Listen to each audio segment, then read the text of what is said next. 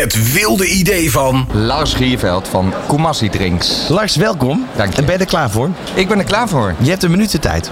Koumassi Drinks dat wordt gemaakt van het fruit uit de cacaovrucht. Iedereen kent de cacaovrucht natuurlijk, eh, want uit de bonen wordt chocola gemaakt. Maar om die bonen heen zit een wit sappig vruchtvlees. Cacao is dus een fruitsoort.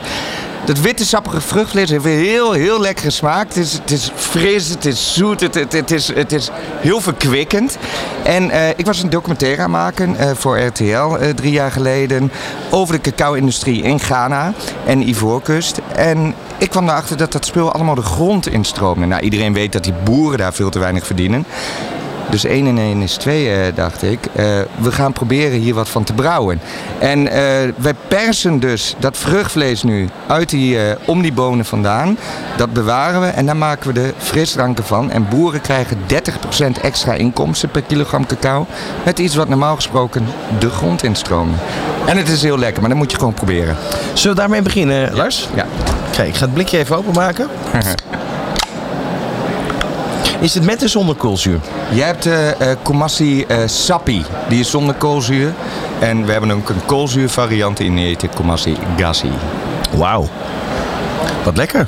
En dan met het idee dat je dus de boeren ook nog meer omzet ehm, kan Ja. brengen. Ja, zeker. Boeren, eh cacaoboeren verdienen gewoon echt. En je, je hoorde dit verhaal, want dit is dus eigenlijk altijd een restproduct geweest waar nooit iets mee gedaan is. Ja, dat klopt. Nou, ik, ik, ik was daar, eh, ik, heb, eh, ik, ik maakte daar dus die eh, documentaire eh, voor RTL en Videoland. En dat we, ja, dan ben je maanden aan het filmen en je ziet gewoon, en je proeft het wel eens. Wat gebeurt hier nou mee? Ja, dat laten we wegstromen. Want de ca- cacao-industrie, de chocolade-industrie is alleen maar geïnteresseerd in die boon.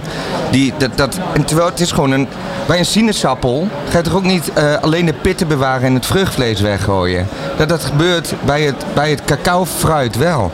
En cacao is een fruit, dus gebruik dan ook het Ja, vruchtvlees. even, even naar je ondernemersverhaal. Want Ja. je zei net al, je bent documentairemaker. Dus Ja. drie jaar geleden heb je eh, dit bedacht. Hoe ging het toen verder? Nou ja, ik, eh, dus, dus ja, ik begon echt als een wild idee. eh, en daar is uiteindelijk die documentaire ook over gegaan. En je ziet mij in die documentaire, zie je me ook ehm, ehm, proberen dat sap te pasteuriseren op houtkachel, eh, houtskoolkacheltjes. En dan in het vliegtuig mee te smokken naar Nederland. En die flesjes barsten allemaal open. Dus het begon heel knullig. En toen wist ik, nou, dit moet ik niet alleen gaan doen. Hier moet ik, heb ik hulp bij nodig. Dus toen ben ik gewoon eigenlijk gaan professionaliseren. Organisaties erbij betrokken. Zorgen dat het allemaal voedselveilig werd. En dat het eh, goed in Nederland kwam. En daarna de, eh, de markten op. En gewoon eh, ehm, ehm, nou, dit op de markt brengen. De nieuwe smaak van cacaofruit. En wa- waar sta je nu eigenlijk op dit moment in, in je, ja, je hele opbouw? Ja, ik, be- ik begon tijdens de documentaire met, met twee of drie boeren begon ik, eh, te experimenteren. We werken nu met iets meer dan 350 boeren samen, die 30% En extra- wie selecteert die boeren eigenlijk? Eh, wij.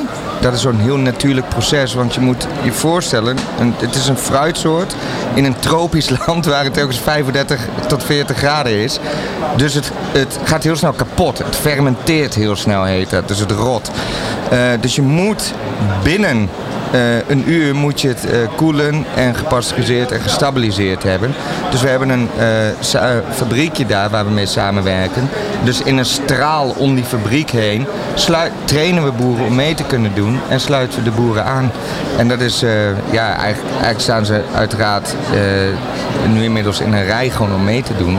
Ja, mijn buurman die verdient ook 30% extra inkomsten. He- heel mooi verhaal. Het is natuurlijk eh, niet alleen effect voor de boeren, maar eigenlijk voor de hele familie eromheen. En Dat weet men ook. De boeren hebben het niet, niet breed daar. Nee. Ehm, nu ga je dit in de markt zetten. En in hoeverre is dit nu al verkrijgbaar? Eh, we liggen in eh, retail en horeca, ongeveer op 1200 plekken. Albert Heijn, zo'n 400 Albert Heijns, de grotere Albert Heijns die verkopen het. De HEMA, die verkoopt het. Eh, maar ook heel veel leuke retailplekjes, waar, eh, sorry, horecaplekjes waar we liggen. hè. Maar het op de kaart staat en gewoon, ja, klinkt een beetje PR-erig wat ik nu ga zeggen. Is het ook gewoon scheid aan. Ehm, Van mij mag je hoor. ja, precies. Nee, maar het is voor mensen die gewoon een keer wat anders willen drinken. dan de standaard colaatjes en sinasjes. En je merkt, die markt die groeit gewoon heel snel. De markt van de, zoals ze dat noemen, de premium eh, softdrinks.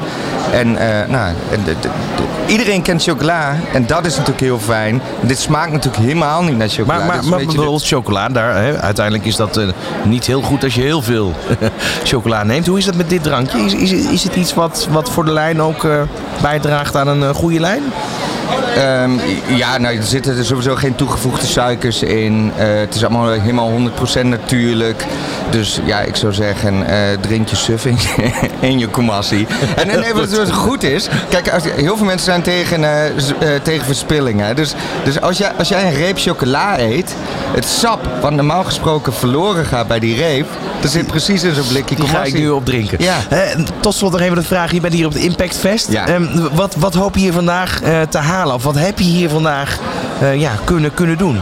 Eh, ja, ik ga hier vandaag praten over hoe wij eh, onze impact valideren, zoals dat heet. Hè. Eh, er is heel veel, het is heel erg in de mode om impact te maken of, of duurzaam te zijn. Nou wij hebben een methode om dat te valideren, dus- zodat we geen bullshit verkopen. Daar, daar vertel ik over. Vind ik ook een heel belangrijk onderwerp, natuurlijk ook als journalist. En, ja, en we willen gewoon natuurlijk geld ophalen. Hè. Van, eh, er- er lopen hier, ik weet niet hoeveel investeerders rond. Wij willen groeien. Ehm, dus eh, eh, we geven ze een blikje commassie en zeggen, doe je mee of niet? Commercie cocktail in de toekomst? In maart, ik, ik, ga nog, ik mag daar serieus nog niks over te- eh, vertellen, maar in maart eh, slash april komt er een hele grote verrassing eh, van eh aan. En dat is inderdaad een, eh, een cocktail. Ik heb geen glazen bol hier staan hoor. Ik Nee, had een nee, idee. nee, nee, nee. Ik zeg bedoel, als je het wat. smaakt, als je proeft, dan, dan heb je ook wel een idee dat het kan. Ja. Lars, dankjewel voor je komst en succes met Kumasi. Jullie ook bedankt. De natuur en jouw bedrijf laten groeien? Luister naar Groene Groeiers op Nieuw Business Radio.